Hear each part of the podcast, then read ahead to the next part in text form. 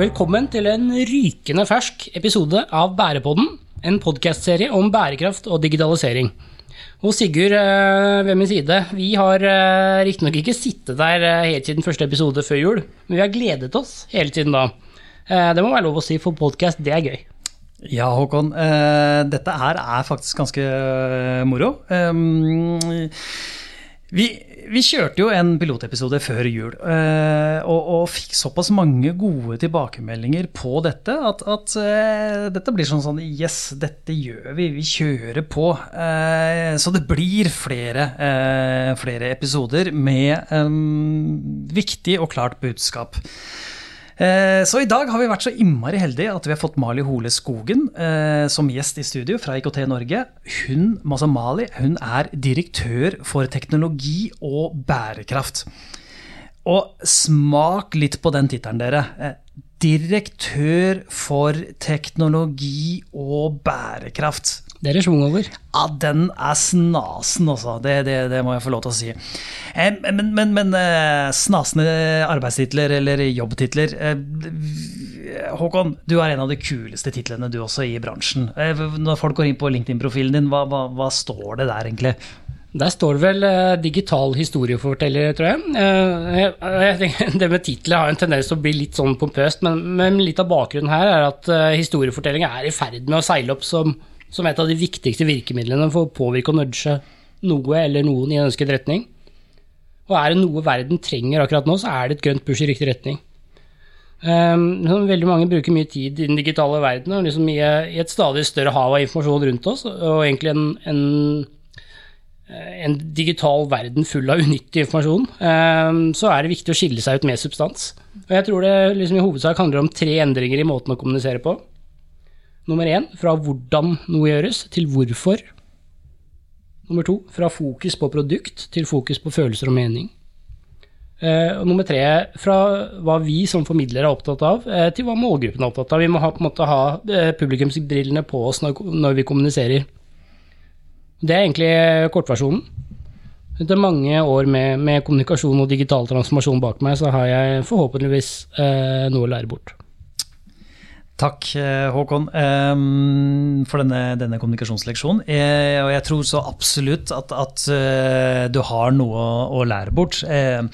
Men eh, jeg, jeg, jeg må få lov til å si det, altså, med dagens gjest her, da, ikke sant? og du da som eh, digital historieforteller, og Mali da som, som direktør for teknologi og bærekraft, så, så, så, så blir det litt sånn stusslig å sitte her som bare seniorkonsulent, liksom. Her må vi jobbe, Sigurd. Ja, jeg, eh, vi, vi tar den etterpå, kan vi gjøre det. Ja. Men um, det er ikke oss to det skal handle om i dag. Uh, som sagt, Mali er fra IKT Norge, er her som gjest. Og, og, og eh, ikke sant? når vi lanserte Bærepodden, så, så er jo noe av, av, av målet vårt å øke bevisstheten rundt bærekraft og digitalisering. Og spesielt da offentlig sektor som en av de største innkjøperne i Norge. IKT Norge de har valgt å sette fokus på dette, øh, og det er derfor en ære at de ønsker å komme til oss. Vi kommer til å snakke litt om arbeidet de holder på med. eh, Hvorfor dette her er viktig for norske bedrifter. Hva det offentlige bør gjøre. Og da ikke minst mulighetsrommet som ligger i teknologi, og hvordan digitalisering kan hjelpe oss med å nå bærekraftsmålene. Men aller først, her er litt food facts. Hei, jeg heter Katrine, og jeg jobber med bærekraft i Footstep. Jeg får ofte spørsmål om hva bærekraftsmålene egentlig er for noe. Og bærekraftsmålene, det er mål som verdenssamfunnene har blitt enige om at vi, både nasjoner og organisasjoner, må nå for at eh, vi skal klare å ta vare på kloden, og for at alle mennesker som bor på kloden, skal ha det ok i 2030. Det er da målene er satt til. Eh, Bærekraftsmål nummer ni er et veldig kult mål. Det heter infrastruktur og innovasjon. Og hvorfor infrastruktur? Jo, altså det er jo den underliggende strukturen som må være på plass for at samfunnet skal fungere. Og innovasjon det altså, Vi redder ikke verden uten en stor dose innovasjon. Så her er det mye spennende å jobbe med.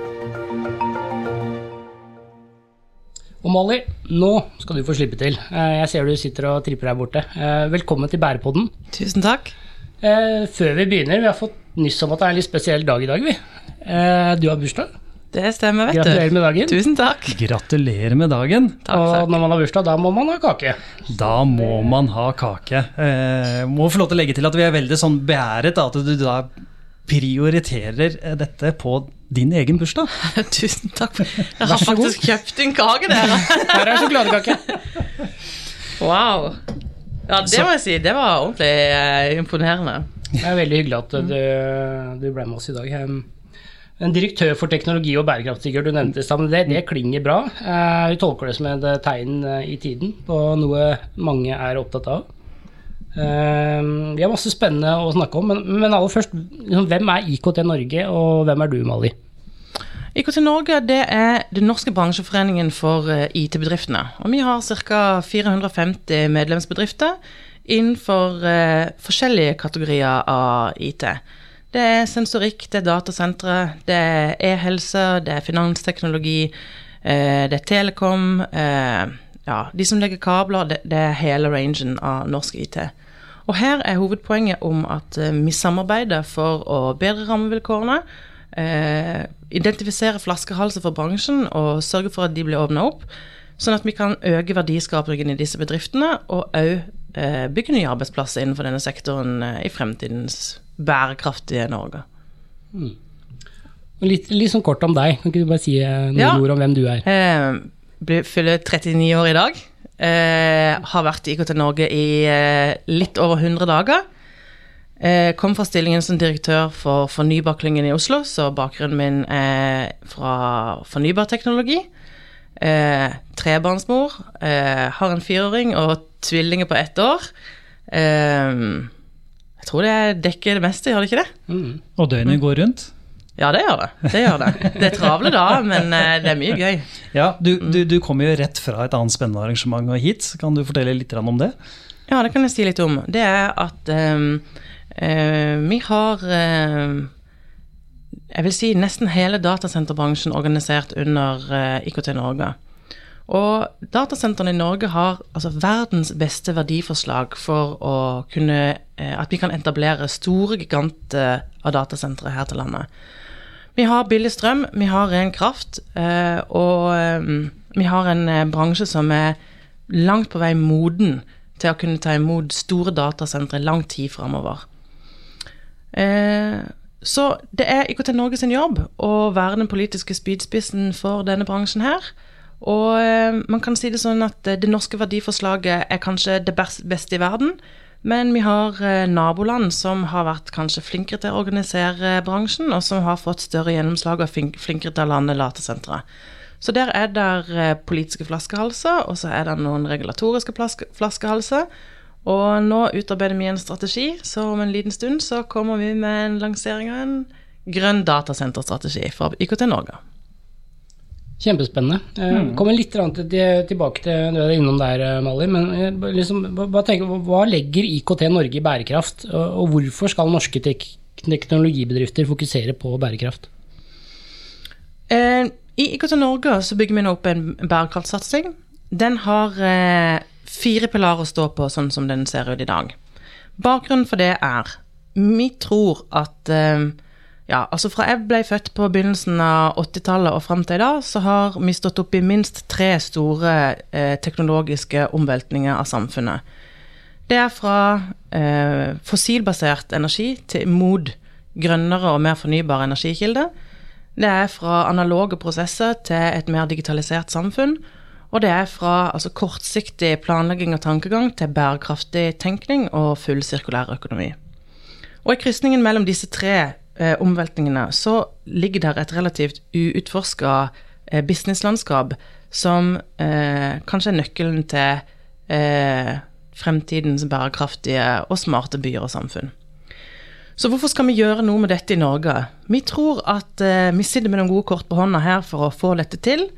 Eh, som nevnt, Norge har god tilgang på ren kraft. Vi har en velfungerende digital infrastruktur, og den blir bare bedre og bedre nå som det kommer sjøkabel til, eh, mot Storbritannia. Vi har et kompetansebasert eh, næringsliv som er godt organisert. Eh, vi har sterke næringer som, har, eh, som gjør det godt internasjonalt. Vi har eh, noen politikere med skyhøye miljøambisjoner, og en offensiv offentlig sektor som tar i bruk nye digitale tjenester.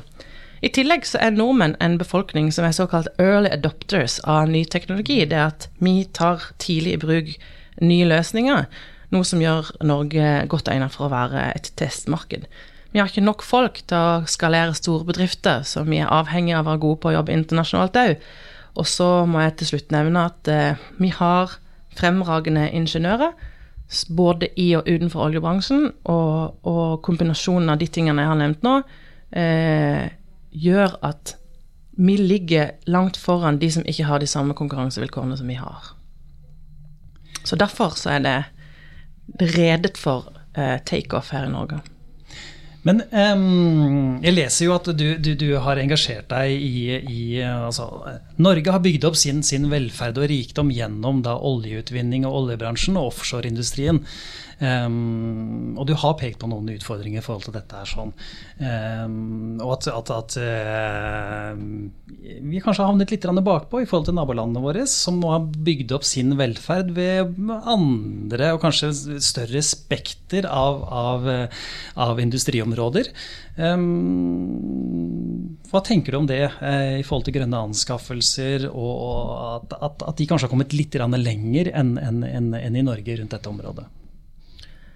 Ja, jeg tror at um, vi er utrolig heldige som uh, har funnet oljen i Norge. Min mor pleier å si at, uh, at du er født i et av verdens beste land til et av verdens beste tider, og det er på en måte en, det, Man kan ikke forklare hvor heldig det er som å vinne i Lotto på en måte bare med å, å ha det norske statsborgerskapet.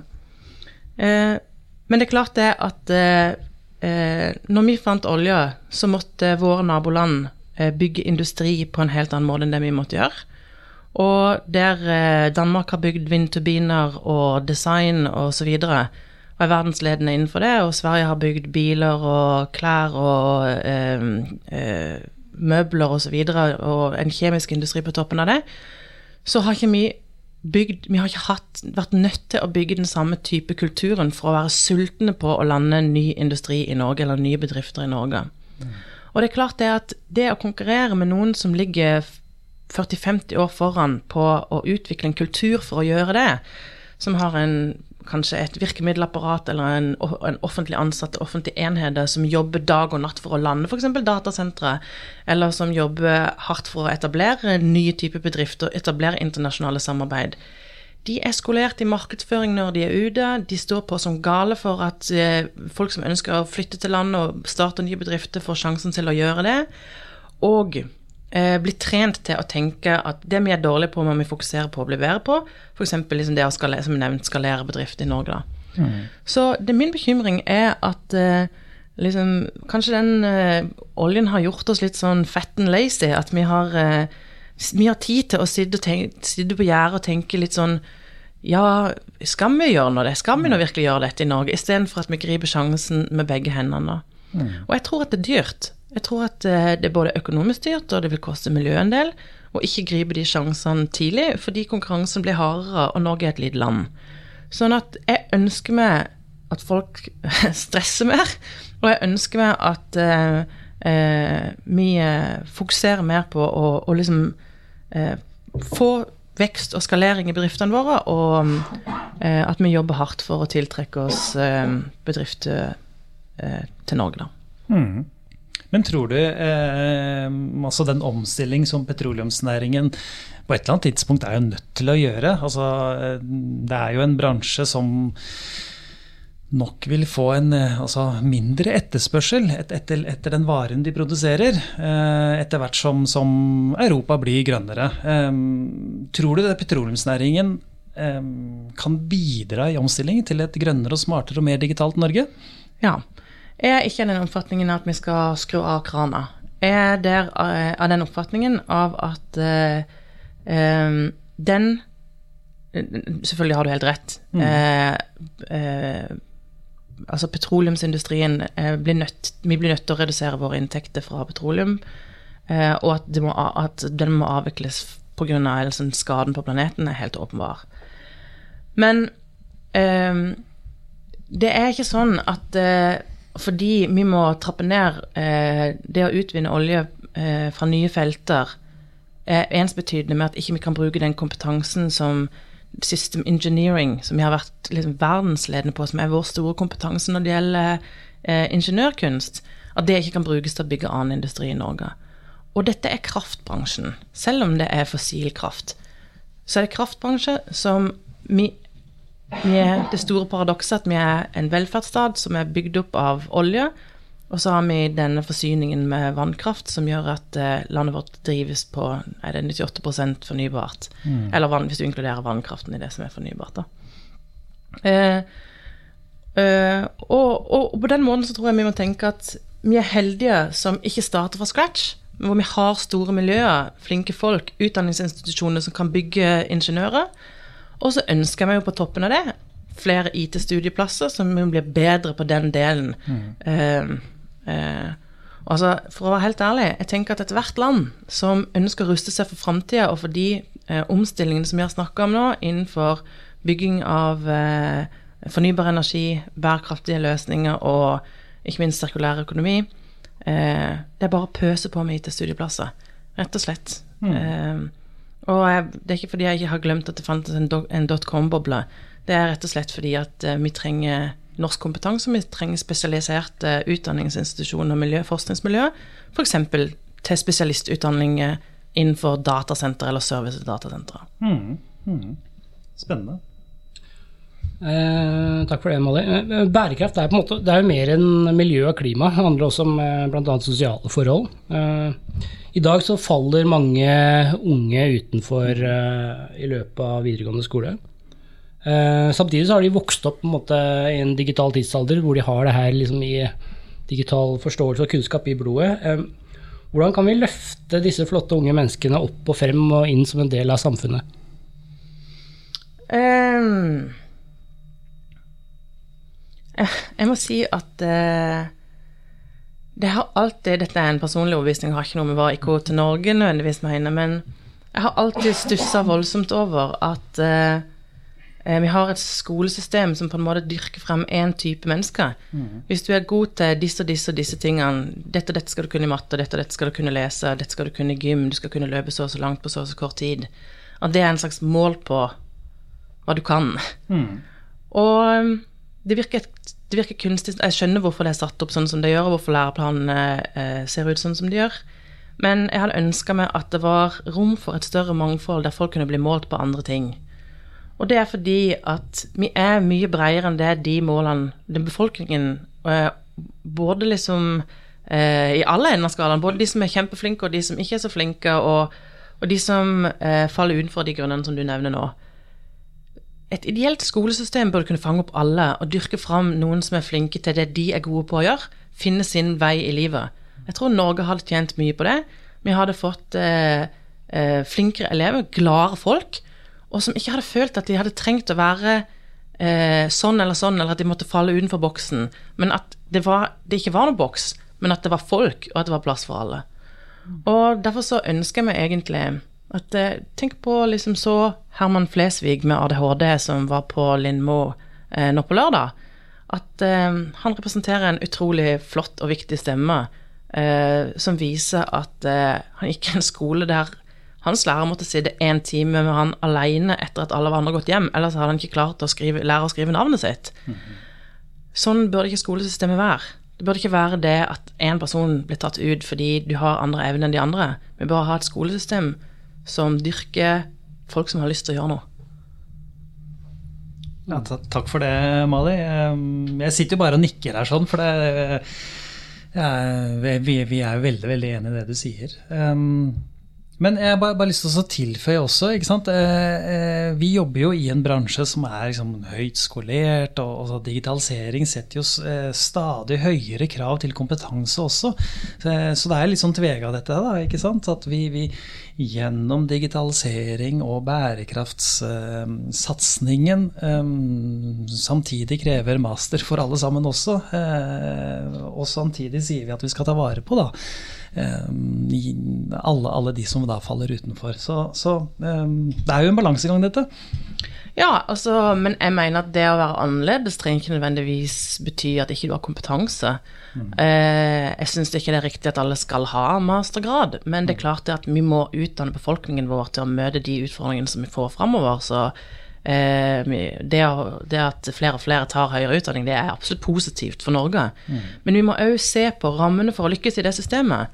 Eh, sånn at den kompetansen vi utvinner i Norge, er mangfoldig og at det er plass til mange, eller plass til alle, og at det òg eh, bidrar til å drive AS Norge videre, enten det er i offentlig sektor eller privat sektor. Og så håper jeg at det er rom for flere mennesker til ikke bare å starte nye bedrifter, men at flere unge mennesker i dag har, la oss kalle det da, balle til å tørre å ta mer risiko for å, å satse på utlandet, eller satse på litt sånn større markeder, da. For det, i um, for noen år siden så la Torgeir Reve, tidligere rektor på BI, fram en modell som viste at eh, mellom eh, mellom, Jeg lurer på om det var mellom 2003 og 2014, det kan jeg korrigere hvis det hvis, Jeg mener det var det modellen viste. Så ble det bygd 350 000 arbeidsplasser i privat sektor i Norge. Og det som var kontroversielt med den modellen, det var at det viser at en tredjedel av alle nye jobber i Norge bygges i gamle, etablerte bedrifter. Vi har trodd hele tiden at de står på den største delen av jobbskapningen, men denne modellen viste at hele to tredjedeler av arbeidsplasser som bygges i, i privat sektor, de bygges i unge bedrifter. Dvs. Si bedrifter som er rundt fem år, altså opptil fem år. Og halvparten av de igjen, altså en tredjedel, er da bygd i bedrifter som har under ti ansatte, og en, den siste tredjedelen, eh, det bygges i noen ganske, ganske få bedrifter, det er de som greier skaleringen. Så derfor så er det nødvendig at vi satser på unge mennesker og satser på unge bedrifter, fordi jobbskapingen er stor der. Ja, vi, eh, vi så jo noen tall i forhold til eh, spillnæringen, eh, som er jo også veldig interessant i, i, i denne sammenhengen. Um, dette med gaming. Um, hvor, hvor Altså Forskjellene mellom Norge og Sverige, da, eh, hvor, hvor omsetningen i Norge i 2019 lå på sånn rundt 358 millioner, mens, mens det i samme periode i Sverige lå på 13 milliarder. og Det, det er greit at de er flere mennesker også, men, men, men eh, så stor forskjell skal det jo ikke være. Så, så um, det er klart det ligger jo en kompetanse her sånn som vi, vi, vi burde kunne benytte bedre. Um, Enig med deg. ja. Men sant? Da, da, da snakker vi om bedrifter så, så i forhold til dette med å ha klima- og samfunnsansvar høyt oppe på radaren. Hva tenker du, Det er kanskje et litt sånn retorisk spørsmål, men, men, men eh, har de et konkurransefortrinn som da kanskje andre ikke har? De som setter klima og miljø høyt? Ja, det tror jeg absolutt. Um, vi, er, vi kommer til å se at uh, det blir mer og mer krav til å både levere bærekraftige tjenester, teknologi og løsninger for fremtidens Norge, eller for fremtidens byer, bygder og samfunn. Eh, vi kommer til å se at ehm, eh, eh, du blir stilt krav til at verdikjedene som bedriften opererer i, eh, kan spores. At eh, vi ser at alle ledd av verdikjeden er, er, er, ikke har store utslipp, eller er skadelige, eller støtter en diktator, eller driver med barnearbeid, eller sender barn ned i gruver. Altså at det blir mye, mye mer krav til å kunne gjøre disse tingene ordentlig. Og det er jo her vi må se at eh, FNs bærekraftsmål virkelig setter disse diskusjonene opp på agendaene, og som blir på en måte det vi skal den, eh, De ledende målene vi skal følge etter når vi gjør, når vi gjør den omstillingen der. Så hvis du har tenkt å være en bedrift eh, som gir blanke i den grønne omstillingen og kjører same procedure as last year eh, over, i lang fortid, så tror jeg du vil merke både nasjonal og internasjonal konkurranse. Jeg tror du vil merke forbrukere som vil velge vekk de løsningene som du har, eller de produktene som du selger, at de går til andre. For det ser vi i dag, at spesielt unge mennesker er veldig flinke til å være bevisst på hvordan de kler seg, hva de spiser, hvilke produkter de kjøper, hva tra- transportkostnadene er. Jeg havna i en diskusjon i går eh, med noen studenter på videregående som lurte på om det gikk an å spore eh, Hvis de skal frakte varer fra Amazon, eh, som enten da sendes med containerskip eller med Amazons transportrute til Norge, om de kan velge på noen måte å gjøre den transporten grønn. Ja. Altså kan de velge hvor mye stort CO2-utslipp det er. Og det er et, det er et tegn på at, eh, at forbrukere i dag har en De går en, det er en lynrask omstilling. Så til de som tenker at eh, jeg, jeg sitter på her og venter og ser hva som skjer, så, eh, så begynner det å haste litt. Mm. Hva, hva tenker du at liksom, bedriftene bør gjøre for å løfte seg innen bærekraft? Har du sånn, tre gode råd? Ja, eh, det har jeg. Jeg ville begynt å tenke på hva er det som er viktig for oss. Hvor er det vi kan være gode?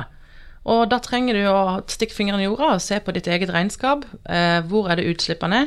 Er det, er det strømforbruk? Er det maskinvare? Er det eh, resirkulering? Men òg helt enkle ting. Står lyset på her om natta, eller gjør det ikke? Så vi kan begynne på der som det er viktig for deg, eller der hvor det er mulig for deg å ta tak i. Og da må du ha, på en måte, da lager du status quo, sånn ser det ut for oss, og så begynne å jobbe med de delene som er viktige. Så det gjelder bedriftens eget fotavtrykk. Og i tillegg til det så handler det jo om å se på hva er det vi leverer, hva er det vi selger for noe? Selger vi kompetanse som snart er utdatert fordi vi ikke henger med på f.eks. bærekraftsutviklingen? Selger vi produkter og tjenester som vi vil en, enten en del av verdikjeden eller produktet i seg selv vil få bli lagt under strengere reguleringer eller andre krav, eller som forbrukeren ikke lenger eh, ser på. Så både se på sitt eget avtrykk, og se på hva du kan eh, velge av produkter og tjenester. Og det siste er du kan velge hvem du vil samarbeide med.